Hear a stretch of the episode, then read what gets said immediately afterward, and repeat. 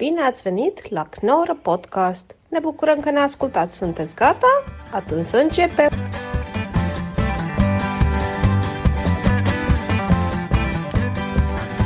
Ja, ik zit van Arnold Schwarzenegger. Ja. Heb zo de, de, de onderkin van Arnold Schwarzenegger. Je lijkt wel een beetje op Arnold Schwarzenegger. Ja. Een soort Nederlandse Arnold Schwarzenegger. Probeer die eh, zin nu te herhalen van... Ja, ja... Nee, hoe praat hij ook alweer? Oh ja, hij heeft een rare Oostenrijkse accent. Ja. Het, in de, it's not a tumor. It's not a tumor. ik kan hem niet zo goed. I forgot the door. Ja, Ja. geen idee. ja vroeger deed ik hem wel eens na, maar ik, ben gestopt met imitaties na mijn 13 of zo. Ah, oké. Wat deed je voor je dertiende voor imitaties dan? Schwarzenegger. Nou, dames en heren, je hoort het al. Een en al gekkigheid. Jeroen Leenders in de house. Dames en heren, welkom bij Knorren Podcast met mij, Martijn Koning. Podcast zonder sidekick. En vandaag, hele grote eer dat je er bent. Jeroen Leenders. Dankjewel. Fijne vriend, fijne vent. Heel eer dat ik er ben. Ik hou van u. Dat ik hier mag zijn. Nee, ja, grote eer dat je er bent. En knaag lekker op alle groenten die ik heb gehad. ja. Een lekker stukje eh, paprika. Hey Jeroen, fijn dat je er bent, man. Eh je toert door heel het land eh, nu met je Jeroen Leners Experience. Nou ja, dat is een soort. Ja, het- door, door het hele land. Ik heb drie vaste locaties gekozen in Nederland. De drie grote steden in de Randstad. Ik ben echt fucking Nederlands aan het praten nu, dat is waar. Hè? De Randstad. Ja. In Vlaanderen zou niemand weten waarover het gaat. Maar, Maar wees gerust, u heeft uw Vlaams accent ook meegenomen. Hoor. Dat heb ik eh, wel meegenomen, ja. Ja. Dat is waar. Ik probeer het niet te ver-Nederlands te doen allemaal. Dat is wel een beetje verwarrend, hè? want ik begin steeds meer Vlaams te praten en u begint steeds meer Nederlands te praten. Hè? Ik noem het eh, Martijns Konings-Vlaams. Klaams noem ik het.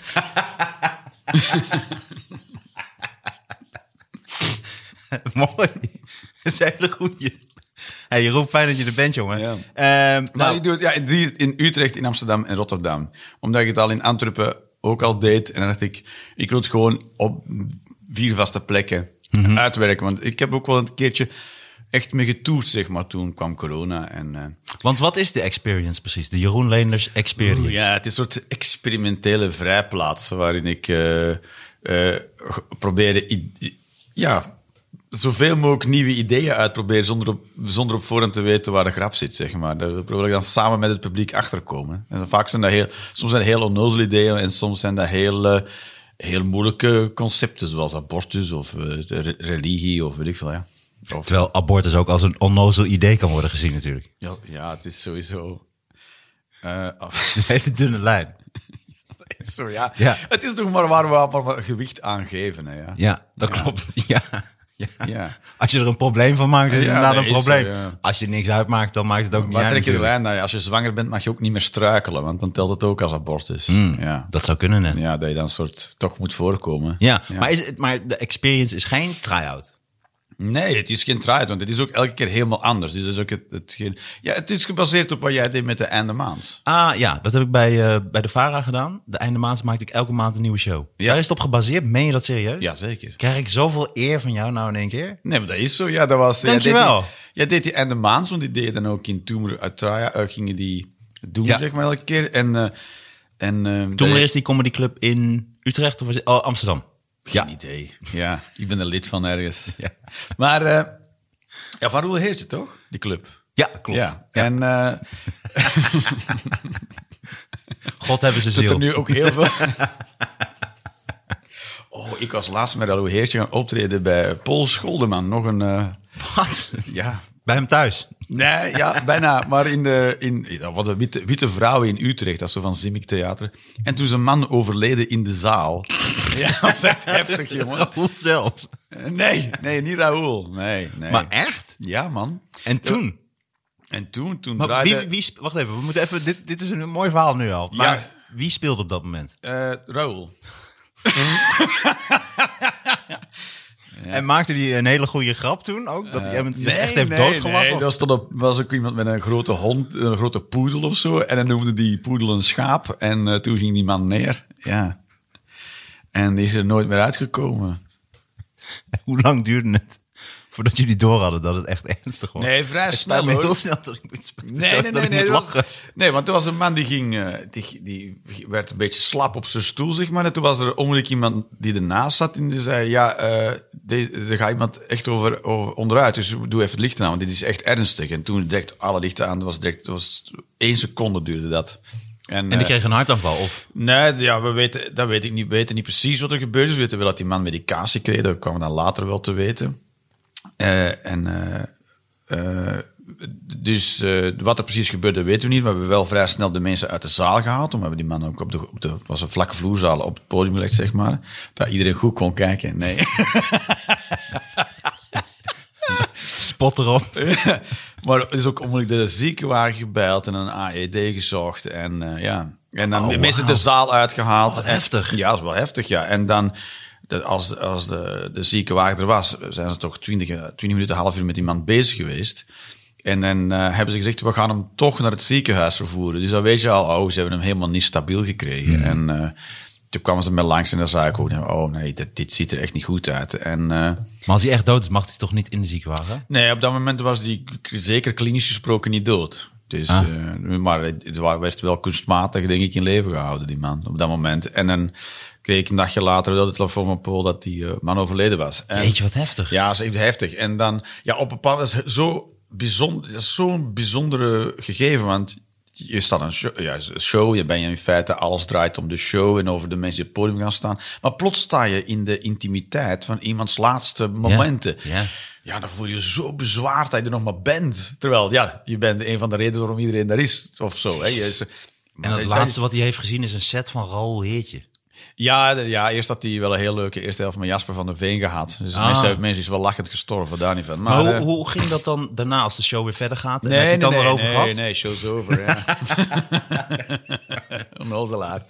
Ik was net zo- ik zou ik heel ernstig op jouw vraag antwoorden. Nee, Martijn, eh, dat, dat gaat niet als iemand sterft. Ja. Mensen, Ik ben zo kleine cool. pauze Ik, ik tuin er ook gewoon. Ik ben, ik ben, mij kan je zo makkelijk practical joken. Dat is ongelooflijk. Ik, ik accepteer het altijd als.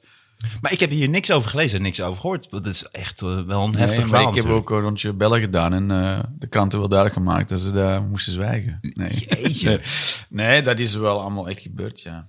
Nee, dat geloof ik ook wel. Maar dat is, ja, dat, ja, je voelt je zo niet op je plaats op dat moment. Nee, natuurlijk. Zou, zou jij dit bijvoorbeeld dan vertellen op het podium? Zou je daar later dan een stuk van maken? Of een bitske? Of hoe noem je dat? Een bitske. Ja. dat is een bit is wat je van voor op je Holy bodem... shit, wat doe jij goed een Borna? Ja, en Arnold Stars.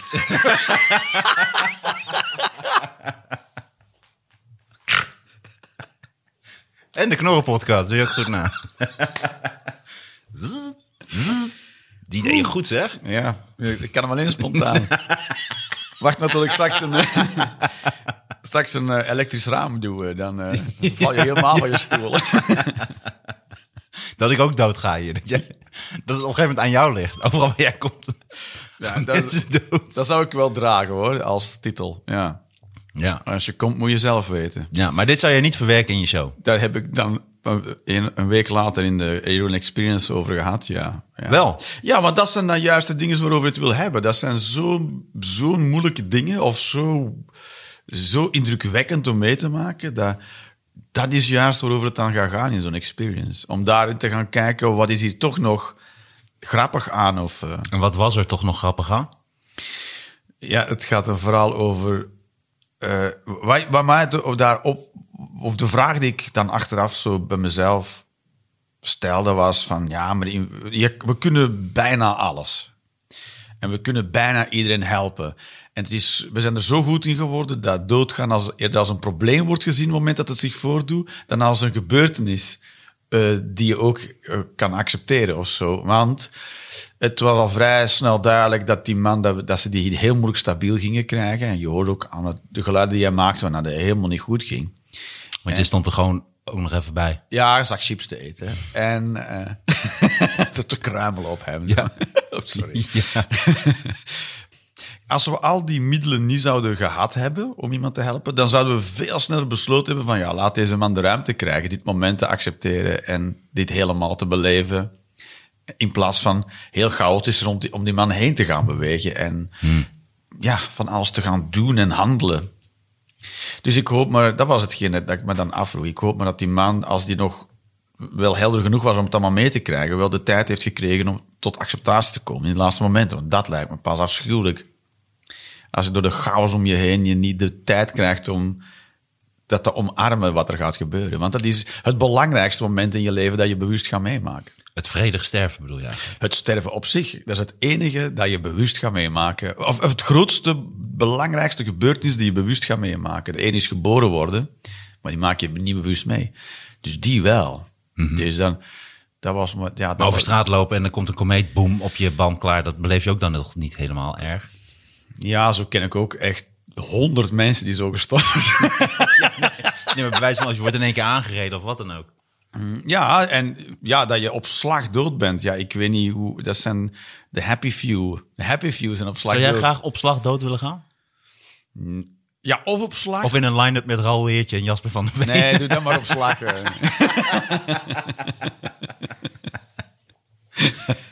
Maar ik snap het wel. Het is wel een mooie gedachte. Ja, dus dan gaat het daarover. Dus dat is, dat is, het gaat over... Het ja, ik probeer, ik probeer zoveel mogelijk over substantiële dingen te praten, waarvan op voorhand in feite eerder gedacht wordt dat er nooit om gelachen kan worden, of dat er geen grap in zit, omdat het te serieus is. Dus daar ga ik naar op zoek. Maar dat wil niet altijd zeggen dat dat het uitgangspunt is van de experience. Nee, en als inspiratie schrijf ik gewoon dingen op die mij op een of andere manier eh, beroeren, emotioneel. Dus ik ga niet op zoek naar grappige dingen in de wereld. Ik ga op, op zoek naar dingen die iets met mij doen. En dan ga ik daarvan kijken of daar, of daar, waar, op welke manier daar de grap in zit. Dus zal ik even wachten tot jij uitgekoud bent? Nee, ik dacht, jij ging nog langer praten. Daarom had ik een stukje brief genomen. Maar toen stopte hij in één keer. En toen ging jij een stukje komkommer eten. Ja. Ja, maar heel kleintje. ja, en nu zijn we al bij het eten. Onze timing is echt perfect. Ja. Nee, voor- ik dacht, je ging helemaal los.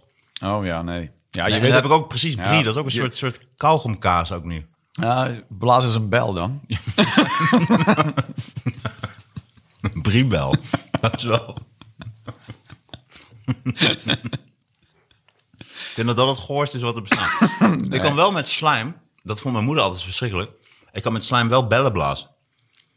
Ja, dan moet je mijn dochter vertellen, ja. En, eh, en ik kan het ook. Ik kan er ook echt dat die op een gegeven moment dan maak ik een grote slijmbel met mijn mond. En dan kan ik hem zo heel Wegblazen, zachtjes blazen. En dan blaas ik echt een, Oh ja, een en ik, ik bijt ze er altijd stuk voor ze op de, grond, op de grond eh, komen, zeg maar. Ja. En ik van, nou, laat eens even één snotbel zijn leven leiden hier doen. Ja, nee, ik heb het echt met mijn mond, niet die snotbel. Maar kan je dan eh, ook zo eentje op, eh, in de winter op je, de, de balustrade van je Balkon. balkon Ja. en dat die dan zo bevriest? Dat lijkt me zo vet. Dit is, dat is wel een van mijn dromen. Dat weet Om met, met speeksel een bal te hebt- maken die dan daar- op de balustrade... Waarom dat jij nog niet zegt van, nou, ik heb alles al gehad dat ik ooit van droomde. Ja, dat moment had je al duizend keer. Heel simpele dromen heb jij. Maar Dat klopt. is zo, dat je naar de droomfabriek gaat. Hoe heet, hoe heet, hoe heet dat tv-programma? Had je een televisieprogramma? Nee. In Vlaanderen heette dat de droomfabriek. En dan kon je je droom zeggen en dan gingen ze helemaal waarmaken. Jij zou echt Oh, aankomen ik met wil zo'n heel langzaam bewegen en dat mijn tanden afbrokkelen. Dat droom ik altijd. Komt voor elkaar. Welkom bij de Droomfabriek. Aflevering 5. Ja, waarom dat ze nooit een nachtmerriefabriek hebben. Dat zou ook wel heel leuk zijn. Het is wel mooi. Ik vind altijd in België wel de tv-programma's mooier en, eh, en, en, en cooler. Jullie praten mooi. Jullie zijn liever. Jullie zijn een leuk volk. Ja, dat klopt. Maar we zijn ook passief-agressief. dat is ook wel kut, ja. We spreken ons niet uit als het er echt op aankomt of zo. Merk je dat een beetje als je de experience doet in België of in Nederland? Jazeker. Wat is het grote verschil? In België mag het best wel agressiever. Ja. In, in Nederland moet je een beetje... Je moet niet, te niet te agressief worden. In, of ja, hoe moet je dat zeggen? Ja. Agressieve Ja, ja. humor, ja, dat vinden ze niet zo leuk in Nederland. Moet wel even... Nou, nou. Eh, dat heb ik ook een beetje het gevoel. Alsof ze in België beter snappen van... dit is iemand die op het podium staat. Dus alles wat die persoon gaat zeggen... is natuurlijk ter ons vermaak. En daar zit een gedachte achter. Ja, en ik heb dat in is- Nederland vaak het gevoel... want in Nederland heb je ook heel vaak van... tss, Ja. Of, Ja, dat mag je, je niet zeggen, ja. en dan, is... want- als je dan zegt van... nou, wat ik... eh, want Hitler was best wel een toffe gast. Dan zeg nou ja, zeg, nou, Hitler was helemaal geen toffe gast. Ja. Dat is best wel ja, Nederlands. klopt, ja. Dat klopt. Maar ja, in België is het echt zo... en wie was dat? In Nederland is het meer what you see is what you get. En eh daar valt ook wel heel veel voor te zeggen hoor. Want de Vlaming vindt het moeilijk om het achterste van zijn tong te laten zien. Alles kan nog een grap zijn of een witzigheid. Maar dat maakt inderdaad dat je heel makkelijk... Je kan heel sarcastisch zijn in Vlaanderen of heel cynisch. Ja, mensen snappen dat dat om te lachen is. Ja, dat is in Nederland minder inderdaad. Ja, Cynisme en sarcasme is moeilijk. Ja. Ja. maar dat is bijvoorbeeld, dat vind ik eh, altijd een heel mooi voorbeeld om het verschil uit te leggen, is waarom Hans Steven grappig is in Nederland en waarom die grappig is in Vlaanderen. Dat zijn twee totaal verschillende redenen. Vertel. Want, eh, eh, in Nederland heb je een hele cabaret-cultuur, zeg maar. En dan, zoals ooit eh eh, Freek, eh, Freek de Jongen en weet ik veel wat, eh Toon Hermans. Toon Hermans allemaal hebben uitgedacht of ontwikkeld hebben. En je hebt dat formatje, want dat kan je ook zien als mensen cabaretopleiding hebben gevolgd, dan doen ze heel dat formatje. Gaan ze, komen ze op met een of ander gek nummer en dan, eh, en dan hebben ze een openingsconferentie en dan gaan ze op de piano zitten om eh, te zeggen hoe ze geneukt zijn door hun moeder of weet ik veel, met een potlood, weet ik veel. En heb je heel, dat, dus heel dat riedeltje. En wat, eh, moet wat- even wat dingen schrappen hoor, maar niet met jou. Geen piano. Ga wel op een banjo leunen. Maar, eh, en eh, wat Hans Steven doet, of in zijn shows deed of doet, is dat hij dat format neemt en zegt, ik hou me aan de regeltjes. Maar gaat het zo, zo gek inkleuren, dat mensen zeggen, ja oké, structureel kan ik er niks op tegen hebben, maar dit is niet de bedoeling. en dat is waarom mensen in Nederland zo heel erg mee hem gaan lachen. Maar die subtiliteit gaat in- Vlaanderen, gaat aan de Vlaming compleet voorbij. Vlamingen lachen gewoon omdat ho- helemaal erover gaat. Hij gaat, hij gaat naar de grens toe, tot waar het kan. En dan gaat hij er in één stap heel ver, heel ver over. En dat is wat de Vlaming leuk vindt. Het is gewoon dat het zo grof is, dat je weet, ja, hij meent het niet. En dat is waarom het zo hilarisch is. Dat al die dingen zegt die je niet mag zeggen. En dat is waarom de Vlaming erom lacht. Ik denk dat het echt een hele mooie samenvatting is. Ja, dat denk ik ook. Ja. Dat is waarom ik er aan begon. Mooi. Lijkt me heel leuk als hij een keer in de podcast eh, komt. Hij is, wel, hij, is wat, eh, hij is wat verrechtst. Helaas. Ja, ik weet het niet. Ik heb hem nooit echt eh, gesproken. Ja, ik heb wel eens een keer met hem gesproken, maar ik weet niet of ik dan echt Hans Steven... Die die volg gaat nu- u zich bij, buiten houden. Hè? U Ja, daar, uitspraak ik ben doen, heel hè? Vlaams nu. Ja, zeker. Zeker en vast. Maar dat is dus de experience. En ik vind het... eh, Oh, er komt nu een vliegtuig over. Ja, dat is de aanvliegroute van... eh, Schiphol. Zo, ja, laag. welke, welke luchthaven had je anders? Nee, ja. Dublin. ja, nee. Nou, kan Eindhoven kan ook, hè? Van hieruit al. Brussels. Brussels. Brussels. De mussels van Brussels. Ja. Jean-Claude Van Damme. Zo cool, dus van dem, man. Ja. Ja, die mis ik. Ah, Jullie hebben toch wel grootheden voortgebracht ook, hè? Godverdorie zeg. Ja, maar allemaal per ongeluk. nee, maar dat is, dat is ook heel, maar dat is ook iets aan de Vlaamse cultuur. Ehm, in Vlaanderen, als je je kop boven het maaiveld uitsteekt, zegt iedereen, nou, moet je niet geen groot idee van je. Doe maar even normaal en ga maar terug op een stoel zitten zoals iedereen. Dus dat wordt totaal niet in dank afgenomen. En dan gaan mensen, eh, soms mensen naar het buitenland en worden ze heel bekend. En dan is het ineens, is wel een Belg. Dus dus- maar ja, als hij net hetzelfde deed in België, dan zouden ze hem de kop ingedrukt hebben. Ja. Maar dat is ook heel Nederlands, hè? Doe maar normaal en dan doe je al gek genoeg. Dus daar Nou, ik lijken vind dat Nederlanders elkaar. wel chauvinistisch kunnen zijn over hun... Over hun Sneller. ja, Ja. ja, vind ik wel. Dus het moet echt in België... De Belgen moeten eerst bevestiging krijgen van het buitenland eigenlijk. Ja, hoe heet die? Die, die, die fluiter? Godverdomme. Die, ja- die- nee, nee, die jazzmuzikant. Oh, Toet Stielemans. Ja. Die was wereldberoemd over heel de wereld. En in België schaamde iedereen zich kapot, jongen. Is Ongelooflijk. En dat was ineens... Jullie zagen hem als een soort panfluit Indiaan. Ja, en toen pas... eh, toen duidelijk werd van... Oh, maar dat is echt een grote naam in heel de jazzwereld. Toen kreeg hij in België wel optredens. Maar daarvoor niet. Ja. Nou, ik zei vertellen, ik dacht dat Toet Stielemans Nederlands was. Kijk eens aan. Ja, het is een Belg. Ja, uit de buurt van Brussel ergens. Oh, echt? Ja. Dus het was de mondharmonica van Brussels. Hij is bekend geworden met letterlijk fluiten. Dus... Dat deed hij op... dat heel goed. Ja, hij kon dat dus heel...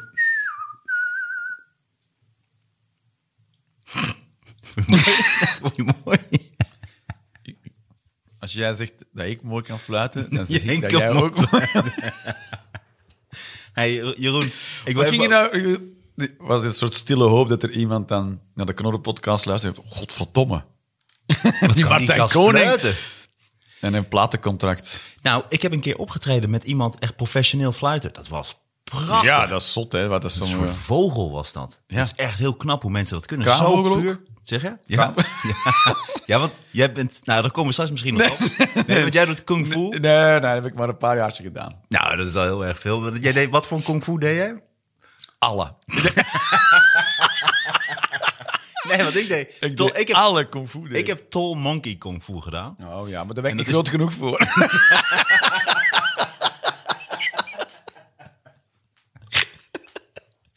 ik, Ja, mocht, dit is ik, mocht, ik, mocht, ik, mocht met, Monkey ik mocht met King Julian mee, eh, met de makies. Dat zou wel leuk zijn. Als je moet werken aan je zelfvertrouwen. Je komt bij Kung Fu en dan wat moet je doen?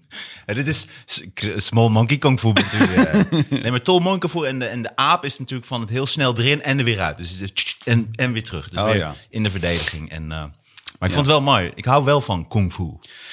Zee, ik vond het, ja zeker. Ik zat toen ook in, in een hele Oosterse vibe of zo. Ook meestal met mindfulness en mediteren en weet ik van wat. Doe je dat nog steeds? Ben je homo? Nee, maar... Het gaat echt de goede kant op. We hebben elkaar helemaal mailen gemaakt. Dit is helemaal niet goed voor de podcast. Oh. Maar, eh, ehm, nou ja, en bij de, ik volg ook zo'n soort traject bij de GGZ. Ik dacht, gaan we niet, we gaan niet die kant op. en daar eh, moeten we af en toe een momentje voor onszelf nemen. Dus daar komt mijn er- de- die ervaring wel bij. eh, alles. Maar bevalt het wel goed, toch? De GGZ? Ja. Jazeker. Ja. Ja. nou, dat doe je niet voor de lol. Dat kan ik je wel vertellen. daarom, daarom zeg ik het. Maar mooi. Ja. Ik vind wel, want ik ken je natuurlijk al een hele tijd. En ik weet ook wel dat je, je hebt natuurlijk wel heel veel dingen meegemaakt en zo. Dus ik snap wel dat het jou op een prettige manier verder kan brengen. Ja, zeker. Ik merk dat nu ook wel. Ik reed net naar hier. En, en met, eh, en, eh, de auto van mijn vriendin. Waarom is dit van? Dat is niet van belang voor het verhaal. Dat weten we. Misschien is het wel van belang voor het verhaal. Weten we niet. Vertel gewoon dat het je eigen auto is, wat maakt het uit. Je hebt een roze mini. Een roze mini. Ah, dat wil ik nog wel hebben. Maar. En, en ik was. eh, eh, ik kreeg gewoon een normale afstand de auto voor mij, zeg maar. Daar zit dan 10, 15 meter tussen, zeg maar. Hier vlak, eh, vlak bij Amsterdam. En komt ineens een, een Volkswagen Polootje. Die komt er helemaal. Ik zag er gaan totaal niet zien aankomen. Best een hoge snelheid tussen ons in. En ik, en ik, ik schrik echt. Dus ik doe echt mijn hand voor mijn mond van... Oh, echt als een soort manga. Oh. Grote ogen. Zoals... Doe een Felix Hezemans, toch? Oh, Japanse verbazing. en en, en eh, toen ging die nog een vak naar rechts door, zeg maar. Maar er reden ook auto's zo. En dan ging die de man... Ik zeg, wow, jezus. Ik zat echt zo... Oh mijn god, dit gaat echt maar net goed allemaal. En eh, tot een half jaar geleden zou ik echt achteraan gegaan zijn. Zeker Ja. weten. Ja, zeker. Daar, dan zou je hem eh, helemaal de tyfus hebben geslagen. Dat zou, die zou ik aan de kant hebben proberen te krijgen, ja. Zeker weten. Want was dat het ook waarom je dat prettig vond? Om ook, eh, want ik bijvoorbeeld, ik zit nu twee jaar bij een psycholoog. Ja. Ik, moet, eh, ik moet leren communiceren. Ik moet mensen leren uitpraten. Ik moet mij kunnen verplaatsen in andere mensen. Ik Ja, moet- dat is kut, hè? Ja, dat is heel erg moeilijk. en eh, ik moet wat minder direct zijn en wat minder opkroppen. En dan in één keer alles eruit gooien. Dus Ja. ik moet meer ja, in gesprek met mensen. Ja. Maar ik heb jou nooit ervaren als iemand met een agressiviteitsprobleem. Ah, nee, dat klopt. Omdat ik dus, ik laat er niks terwijl, van zien. terwijl ik zou wel iemand zijn die een bepaalde agressiviteit zou kunnen oproepen bij mensen. Oh ja. Ja, die, je, ziet, je ziet langs de buitenkant zie je helemaal niks aan mij. Gebeurt nou, Nou, je hebt een enorme lange baard. dat wel. maar het kan wel in gedrag eruit komen, zeg maar. En ineens heel erg gevaarlijke dingen gaat doen. En, en dan met de auto zeker, ja. Ja, wat heb je, maar heb je dan veel boosheid in je? Dat zie je Ja, ja, ja, ik denk dat er vooral verdriet en gemis eh, aanwezig is. Maar die boosheid is een soort eh, manier geworden om daarmee om te kunnen gaan. Een soort katalysator. Ja, eerder een soort glazuurlaag waar alles onder. daar, daar zit alles onder van emoties. En dat is waar je dan tegenkomt en dan raak je daar niet doorheen, zeg maar. Dus dat, ja, dat is een eh, handig eh, zakmes, is dat. Ja. Dus je bent eigenlijk gewoon ook heel gevaarlijk. De- Eh, ik zou me tot voor kort wel onbetrouwbaar hebben genoemd. Maar niet meer. Hmm. Ja, maar voor jezelf zeker. Voor mezelf ben ik minder onbetrouwbaar. Ja, ik vertrouwde vooral mezelf niet. Ik Ben, ja, ik ben wel zeker dat mocht ik niet deze hulp gezocht hebben, dan, dan zou ik zeker vroegtijdig op een gewelddadige manier aan mijn einde zijn gekomen. ja, daar ben ik wel 100% zeker van, ja. Op slag dood. Ja, als ik, als ik pech had, niet natuurlijk, ja. En dan heel boos zeggen als mensen je willen helpen. Ik wil vrede ja. sterven. Ja, dat zou wel heel kut zijn. Ja. Ja, maar dat is bijvoorbeeld ook waarom ik de, mijn, motorfiets in de tijd verkocht heb. Omdat ik dacht van, ja, maar als ik pech heb, dan overleef ik het wel. Ja. Ja. en dan zit je in een rolstoel de rest van je leven. Dus daarom heb ik hem weggedaan. Omdat de kans dat ik, dat ik er niet op zou sterven ook best groot was. ja. Maar het zou sowieso wel fout lopen. Ja. Ik denk jij ook in een rolstoel zou ook fout lopen. Ja, dat zou niet prettig zijn. Nee. nee. Zeker met je lange baard. Gaat ook mis Ja, natuurlijk. dat klopt, ja. Ja. Wel grappig, man. Nee, ik vind je, je bent een mooie kerel en ik, eh, ik ken het een beetje van je en zo. Dus eh, Ja. ik vind het mooi eh, hoe je daarmee omgaat en hoe je de- jezelf vindt hierin. En hoe je manieren vindt om daarmee om te gaan en toch weer door te gaan. Ja, ja. Wauw, mooi. mooi. Mooie vrouw. Dankjewel. Ja. Nee, want ik weet ook nog wel op een gegeven moment, want ik heb ook last van donkere buien. Misschien ietsje minder, maar dat, dat komt ook in de buurt. En ik weet nog dat op een gegeven moment hadden wij dat allebei. Ja. En dat versterkt elkaar heel Ja, erg. zeker. Dus dat was, een beetje, was het wat fijner om wat afstand te creëren. Waarschijnlijk Of niet, of niet dat zal- allebei. dat zal waarschijnlijk wel zo gelopen zijn, ja. Ja, Op een soort natuurlijke manier. Ja, en heb je ook het gevoel dat je die, die- dat je die, kun je die agressie ook omzetten in creativiteit nu? Maar ik denk dat Nou, nee, dus. Creativiteit, dat is moet. Nee, ik probeer juist. Nee, die agressie. Die kan ik vormelijk wel aanwenden meer of zo. Want als, die, als, die, als dat echt. Als ik in mijn agressie ga zitten, zeg maar. dan kan ik niks meer hoor. Dan kan ik enkel kwaad zijn. En heel, heel re- reactief worden of zo. Dan, dan gebeurt er eigenlijk niks meer. Dan zit je eigenlijk te wachten op iets wat je kan counteren dan, op dat moment. Ja, dan kan ik niet meer nadenken. Dan eh, is het alleen maar. Ja. React, reactief zijn, hè? Er komt iets en dan reageer ik op. Ik kan niet meer ageren. Ik kan niet meer zelf een beslissing nemen waar ik dan wil op dat moment. Oké. Nou, daar kunnen we het nog wel even een keertje over hebben. Of wil je er lang over doorgaan? Ja, we kunnen daarmee doen wat we willen. Ik, heb, ik vind het af en toe wel fijn om het erover te hebben, omdat ik zit dus... Ik volg een traject bij de GGZ in Eindhoven en dat is een, groeps, een groepstherapie dat ik volg. En ik denk dat we in totaal met tien mensen in die groep zitten, want dat zijn wisselende groepen, zeg maar. We hebben een kerngroep, en, maar daar komen we af en toe... Dat is altijd samen met een andere, een subgroep, goed, in totaal tien mensen. En ik ben de enige man daar. En dat is vrij normaal dat ik de enige man ben. En dan, en dan vroeg ik van, oh ja, dus ik vroeg ook, hè, van, oh, is, de enige man is dat normaal? Ze, oh ja, dat is normaal, er komen bijna geen mannen. Ik zeg, oh, is dat omdat die typische vrouwelijke problematiek is of zo, hè, of cultureel vrouwelijk? Hij zei, oh nee, mannen hebben er ook eh, last van. Ik zeg, oh, eh, waar gaan die dan naartoe met deze problemen? Met uitgestreken gezicht, zei die therapeut, naar de gevangenis of de verslavingskliniek. En als hij helemaal volledig was geweest, had hij ook gezegd dood. Want mannen komen vroeger aan hun einde, gemiddeld genomen. Maar dat is niet omdat wij genetisch gezien geprogrammeerd zijn om vroeger te sterven. Wij, wij leven veel gevaarlijkere levens, omdat wij met onze emoties, grotendeels, omdat we met onze emoties totaal niet leren omgaan. Ga- Gaan wij meer risicogedrag vertonen? Zijn wij sneller slachtoffer van drugsverslaving? Van gevaarlijke beroepen eh, gaan beoefenen? eh, van eh, geweld plegen? In de criminaliteit terechtkomen? Want dat heeft ook te maken met risicogedrag.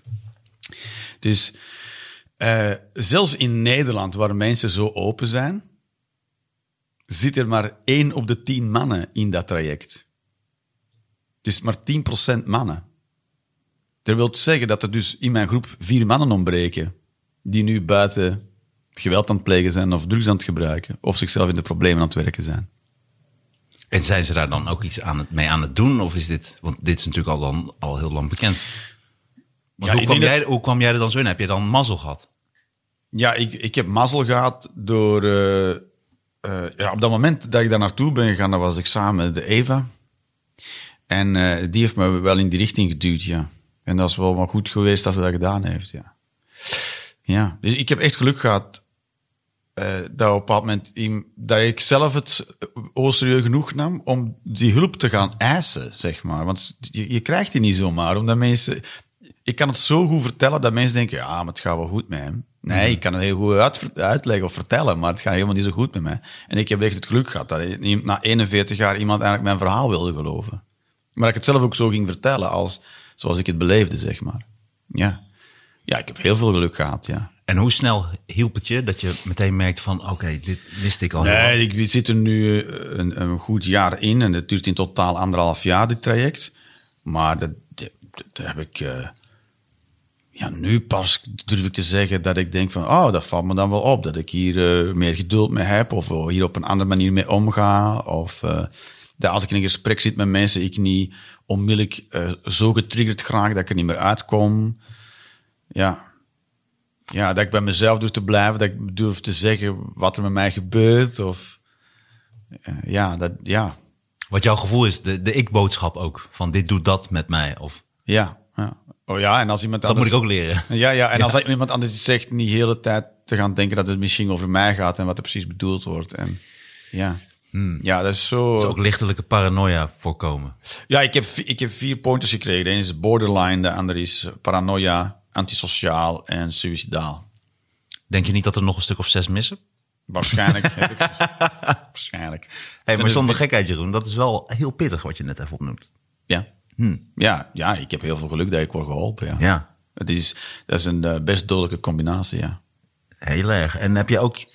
Voel je nu eigenlijk iets dat je jezelf nu beter leert kennen? Zou je ook andere mensen dan kunnen helpen nu? Ik denk wel dat er op een of andere manier soms wel gebeurt. Het feit dat ik er... Want ik heb me wel van in het begin heel open over geweest tegen iedereen. En ook als dat in podcast of zo. En Theo Maas ook zo van, ja, vind je het dan erg als we het nou over hebben? Ik zeg, nee, doe zeker. Want er ontbreken nog steeds vier mannen in mijn groepje.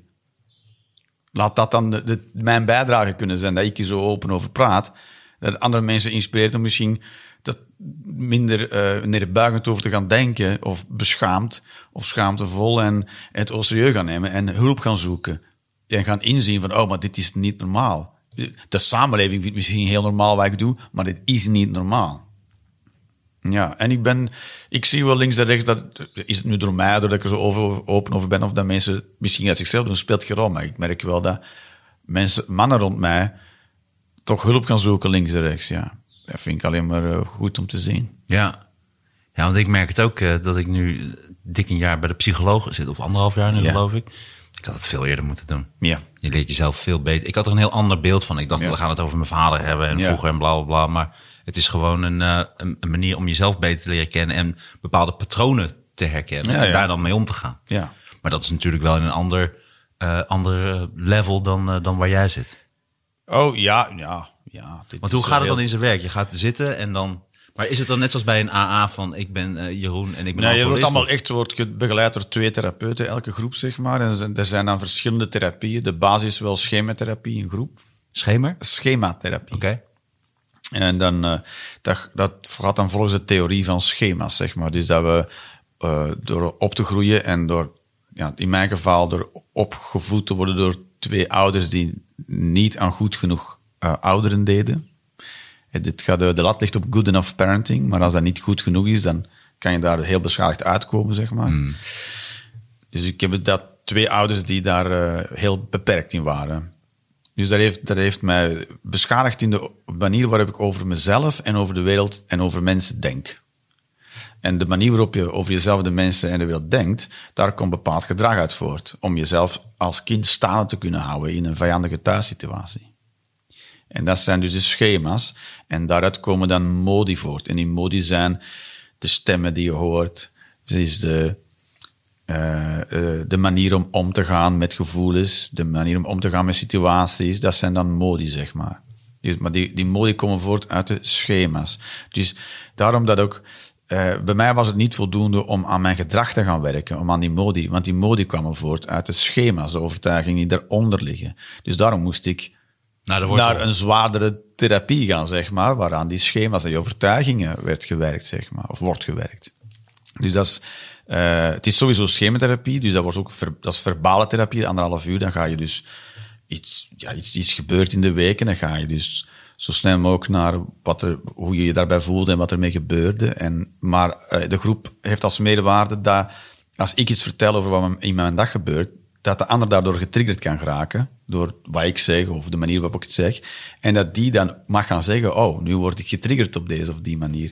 Maar dat is een heel beangstigend idee voor mensen die mijn beschadiging hebben gehad, om te zeggen, oh, wat jij daar zegt, daar voel ik dit bij. Ja, dat, dat is zo...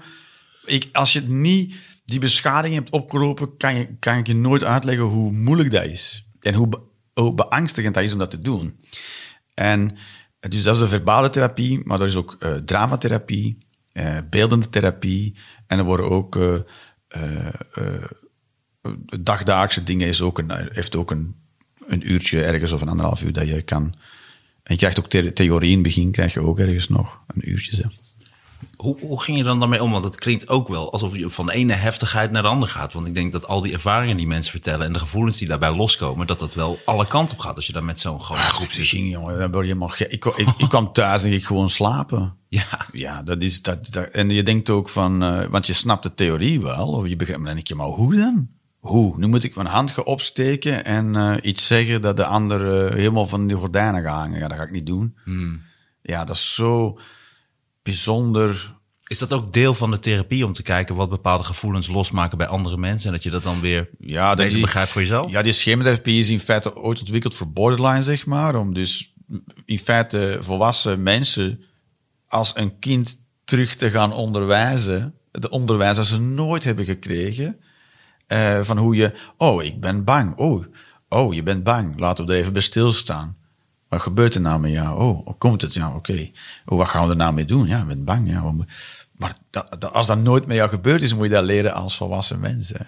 Maar, en, of, en het nadeel is, je bent dus beschadigd geweest erin. Dus je doet iets helemaal verkeerds. Dus je moet het verkeerde gaan afleren. En dan in een soort vacuüm gaan vertoeven om dan het nieuwe aan te aangeleerd. Ja, dat is. Jezus. Daar ben je helemaal, daar ben je echt kapot van op het Ja. einde van de dag. Ja, dan ben je daar eh, drie uur geweest. En is, is daar dan ook ruimte voor humor? Merk je dan ook dat jij comedian bent, dat je dan soms ook... Ja, humor is daar heel duidelijk een, een copingstrategie. Ja, ja? ja, ja je moet maar daar. binnen die groep, help je daar mensen dan ook mee? Nee, Of- nee, de hum, voor de, er, is, ja, er kan wel eens af en toe gelachen worden, maar mm, het is wel een van mijn eh dada's, zeg maar, om niet naar de humor te gaan. Om daar juist een beetje uit de weg te blijven. Te zeggen, oké, ja, oké. Kunnen meest mee zitten lachen, maar we gaan nu hebben over hoe je je voelt. Ja. Ja, dus er wordt weinig gelachen. Eh, ja, dat is... Ja, je, je, je gaat echt over, ja, over, over het basale. Je gaat, over het baza- je gaat naar wat je voelt en da, het, het daarover hebben. En te zeggen wat er met jou gebeurt. Ja, er, is- er is weinig ruimte voor vormelijkheid. Of voor eh, sociale... Dat is, je- laten we dat niet doen. Dat, die bovenlaag en die maniertjes, allemaal weg. De gevoelens. Ja. Ga, je, het- ga je het nu al missen eigenlijk, als je nu, nu nog weet dat je nog maar een half jaar te gaan hebt? Hou je daarmee bezig? Voor, eh, voor een deel wel hoor, want het is een soort veilige omgeving die wordt gecreëerd. Dus Ja. cerebraal, cognitief weet je, dit is veilig, zeg maar. Het voelt niet veilig, maar je weet dat het veilig is. En die, die omgeving ga ik wel missen, ja. Tuurlijk, ja, dat is... Dat is Maar is er dan ook een vervolgtraject? er wordt wel opgevolgd, dus je wordt niet zomaar terug de samenleving ingeflikkerd, zeg Tot- maar. tot ziens. Bye. maar ze hebben het ook wel in... Dus er zijn twee dingen gebeurd. Ze hebben het in lengte beperkt, omdat sommige mensen maar bleven gaan, zeg maar. Want het is natuurlijk heel verslavend. Ja, natuurlijk. Als je zegt, oh, daar is het altijd veilig. Dan kan ik, met wat het ook is, altijd terecht. Ze hebben dat wel afgebakend in tijd, zodat het van oké, op een bepaald moment moet je wel de wereld in en moet je het gaan doen ook. Ehm, en eh, daarna is nog, maar is ook wel een soort natrajectje, zeg maar. Dan om de drie weken kom je in een soort nagroep.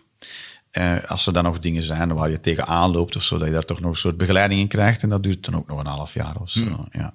En heb je er al contact aan overgehouden? Ja, we zitten nu nog. eh, ik zit nu in de voorlaatste fase, zeg maar. Dat is opgedeeld in verschillende fases. Dus volgende maand gaan we naar de laatste fase. Maar dan pas mogen we elkaars contactgegevens hebben. Hmm, oh, dat zijn ook de vaste regels voor. Ja. Ah. Je, mag geen, eh, je mag geen contact hebben buiten de therapie met elkaar. En dat doe je dan ook niet. Nee. Hmm. Ja. En merk je wel dat je met sommige mensen behoefte hebt om daar contact mee te hebben? Jawel, ja, het is wel een soort, een soort eh, ja, groepje geworden zo. Hè? Dat is eh, toch bijzonder, ja. Want dat lijkt me juist heel erg belangrijk, dit, dat groepsgevoel. En dat je dat samen ook aan kan pakken. En dat je er dan ook daarna nog over kan praten. Ja, maar het is dan voor de mensen die in mijn situatie en voor iedereen die, waar, waar ik mee in de groep zit, is van ja, maar je moet het in de wereld aan de mensen gaan durven vragen. Dus dat moet je eerst leren. Je moet eerst leren je plan trekken. En dan, dan kan je terug. eh, als dat dan, na de therapie mag je zoveel op elkaar leunen als je wil. Maar tijdens de therapie, jij, je, hebt een op, je, hebt een, je hebt iets te leren hier. Dus dat moet je gaan doen. En we gaan het jou vanaf dag één laten doen. Jeetje man, weet je wat ik wel apart vind? Is dat ik me wel een beetje schaam. Omdat ik weet natuurlijk wel dat je gewoon wel je dingetjes hebt. En, eh, Ja. en dat er, maar dat het ook zo ver gaat en dat het zo diep zit, dat, eh, dat wist Ja. ik eigenlijk ook niet. Maar dat kan, hoe zou iedereen, iemand dat moeten gezien hebben? Nee, ja, maar ja. Een, een therapeut zou dat misschien wel kunnen gezien hebben van, oh, maar die zit Binnen één iets, seconde. eh, zo. Ding, ding, ding, ding, ding. ja. Nee, dat, zoals, ja, als je soms zo'n hele opgedreven auto ziet rijden met heel flashy kleur, denk je, oké, wat is de kans dat de persoon erin zit de Dalai Lama is? eh Versta je? Maar je weet dan nog niet precies wat er met iemand gaande is. ja. Ja. Ja, maar ik schaam me er wel een beetje voor, want ik ken je een stuk beter natuurlijk. Ja. Dus Ja, maar jij kent denk ik het stuk dat ik van mezelf heb laten tonen. Ik, ken, het- ik zei het laatst, want we krijgen ook individuele therapie, zeg maar. Want je, iemand houdt de regie over je trajectje. Want iedereen heeft dan toch weer zijn eigen traject die erin loopt. En eigen bijzonderheden. Want we krijgen ook EMDR en zo bij die individuele eye movement. ja, dat is met die vinger. Ja. Oh. Ik ramp het, ja. Dat doe ik soms ook bij mezelf. Ja. Ja, want ik heb met mijn psycholoog hebben we het wel eens over. Ja. Soms dan, dan gebeurt er weer iets en dan heb ik weer, dan heeft iemand dubbel geparkeerd. Dan kan ik dan niet tegen. En dan Oh, ga ik dan ook met mijn vingertje zo heen en weer. Oh mezelf. ja, kijk, ja. Het werkt wel. Je, weet wat wel leuk is? Dan merk je ook hoe beperkt je brein... Hoe be- ik, ik wou dat ik dat kon. Ja, jij kan dat. Hij zit nu ook naast je. Ik vind hem echt... Jullie zijn echt vrienden ook. Ja. ja. Nee, hij is zo groot. Je hebt een speciale handtas ook Ja, hem maar ik, ik zou hem toch een naam moeten geven. Ja. ja, ik vind het leuk, want je, hebt hem, je legt hem altijd in een soort klein kruiwagentje. Ja, eh, die je voor je uit eh, duwt. Ja, En, en, en, stootwagen. Ja, en als hij slap is, dan heb je hem gewoon helemaal vol. Ja, klopt. Ja. En als hij echt hard is, dan doe je daar een paar, gewoon een paar wieltjes op. Ja, en dan zet ik ook kegeltjes. Nou weet ik niet wat ik wil zeggen. Maar, eh, EMDR. ja, oh, eh, dat, maar ik merk daar vooral aan hoe beperkt je brein is. Dat wij gewoon aapjes zijn. Dat hoe makkelijk je brein eigenlijk te blokkeren is. En dat je... Want wat je doet met EMDR, je gaat dan, het kan op verschillende manieren. eh, en ik kan het niet uitleggen wat het precies is, maar je, je kunt een bepaalde ervaring die vroeger was, die kun je, ja, ik kan het niet eens uitleggen. Dus Ja, ze- maar ze- je, moet, je gaat met je vingers de- heen en weer, dat volg je met je, met je vingers en dan Ja. blokkeren je hersenen eigenlijk dat Ja, ze gaan- gevoel. Emotie wordt losgemaakt van de, eh, bij de ervaring. Ja, dus de, bij bepaalde ervaringen of herinneringen aan ervaringen kan een bepaalde spanning bij zitten. En die spanning Ja. kan zo hoog zijn dat je daar niet doorheen kan. Dat het, dat, eh, eh, als je getriggerd raakt, dan eh, connoteert dat of, of refereert dat aan die ene gebeurtenis in je verleden. Ja, ja, ja. En die spanning er rond is zo hoog dat je, daar, dat je wel weet dat het wat nu gebeurt niet toen is, maar emotioneel raak je daar niet over. Ja. En dan is het de kwestie dat die spanning van die, van, van die gebeurtenis weggaat. Of dat je die wel laat kan zakken, zodat je daar wel overheen kan stappen, zeg maar. Of daardoor kan werken. Ja. En, die, en je hersenen kunnen, of je, ja, je hersenen kunnen maar één taak tegelijkertijd. Ja. Ze kunnen of die herinnering vasthouden en die, en die gevoel, of naar jouw vinger kijken. En Ja. door je, want ze zeggen ook heel actief, zolang dat je naar die vinger kijkt, die je moet dan volgen, die naar links en rechts gaat, moet je blijven in die herinnering zitten en eraan Ja. denken en Ja. voelen. Ja. Maar op een bepaald moment laat je hersen los en zeg je, ja, ik kan maar één ding tegelijkertijd. En dan ga je je vinger volgen. En daardoor zakt de spanning aan die herinnering. Dat heel gek is, maar eh, het is heel echt waar. Het ziet er heel zweverig uit. Op het moment dat- ze het de eerste keer doen, denk je, ja, hallo. Soort, eh, hoe heet die, hoe heet die gast? eh, Die, die, eh, Balletje, balletje. nee, die, die hypnotiseur eh, Ja. Hier in Nederland. Met zijn rare. Rasta Rostelli. Ja, toch, een beetje Rasta stel je toch. Luister naar mijn stem, alleen maar naar mijn stem. Luister Ja. naar mijn stem, alleen maar naar mijn stem. Ja, jij zou, licht, jij zou echt, eh, you, you would suck dog balls in it. jij zou de slechtste hypnotiseur Nee, ik denk dat ik best wel goed zou zijn. Ja? Ja, Tuurlijk. Ik kan alles best wel goed, dus dat is dan ook Ja? waarschijnlijk dat. Ja. Nee, je moet ook slecht zijn in sommige dingen. Mm, ja, ik kan niet goed luisteren. Ik vind het heel moeilijk. Zal ik nog een kopje koffie voor jou inschenken? Ja? Heb je er zin in? Wat wil je? Ik wil wel een kopje koffie.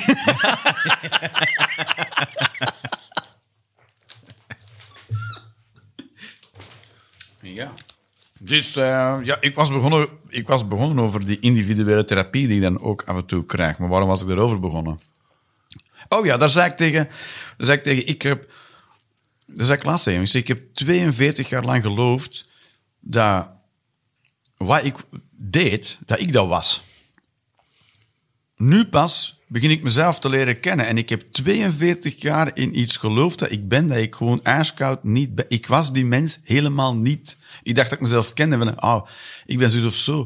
Maar dat was allemaal copingstrategie. En ik heb heel dat, heel dat ratje toe van copingstrategieën, waar ik mezelf met haken en ogen aan elkaar hing. Ik heb altijd geloofd dat dat de mens Jeroen Leenders was. Je kunt zelf niet wie daaronder zat. Nee, ja, dat is nu pas begint te duidelijk te worden voor mij. Ik heb precies hetzelfde. En dat is therapie, ja. En dus hoe zou jij dan dat van mij geweten moeten hebben? Nou, omdat ik dan wel... ik- Ik, voel me dan wel schuldig dat ik dan toch te veel aan mezelf denk. En dat ik wel merk, net zoals dat jij toen in je donkerste periode zat... Ja. dat ik merkte van, dat dat zo'n invloed had op mij... dat ik daar geen behoefte aan had. Nee, maar dat snap ik ook. Ja, nee, maar dat, dat, Ja, ja, maar ik, ik, ik, als ik dan nu jou zo hoor, dan denk ik van... dat voel ik me toch wel redelijk schuldig over, ja. Ja? Ja, tuurlijk. Oh ja, dat is helemaal niet nodig. Maar ik snap wel dat het... Waarom hou je het allemaal voor je? Hè? Waarom hou je het allemaal voor je? Ik denk dan altijd omdat je gewoon zo cool en sterk en alles bent... dat jij gewoon alles voor elkaar hebt. Ja, ja, Natuurlijk, ja, dat snap hè, ik. toen ik op een gegeven moment beter leren kennen, denk ik van, van deze Volgens mij heeft hij helemaal niks. maar wel vooral in je hoofd. Ik vind, ik- Ja. en, en niet alleen een inspiratie, maar ook echt eh, ehm, gewoon iemand die ik ook altijd zo standvastig en, en, en slim en wijs over alles. eh, dat ik echt. eh, Ja, die nu die- nog steeds kijk tegen dat, je op. Dat maar, is, dat, is, dat, is, dat is ook een copingstrategie trouwens. Ja, je kan heel goed gezonde volwassenen faken. Ik weet precies hoe die klinkt en ik kan die helemaal nadoen.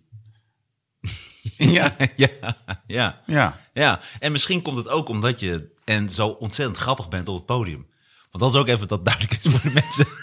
Dat ze denken van... Ik ben niet alleen maar ziek in mijn hoofd, ga, Is die Jeroen Linders Experience.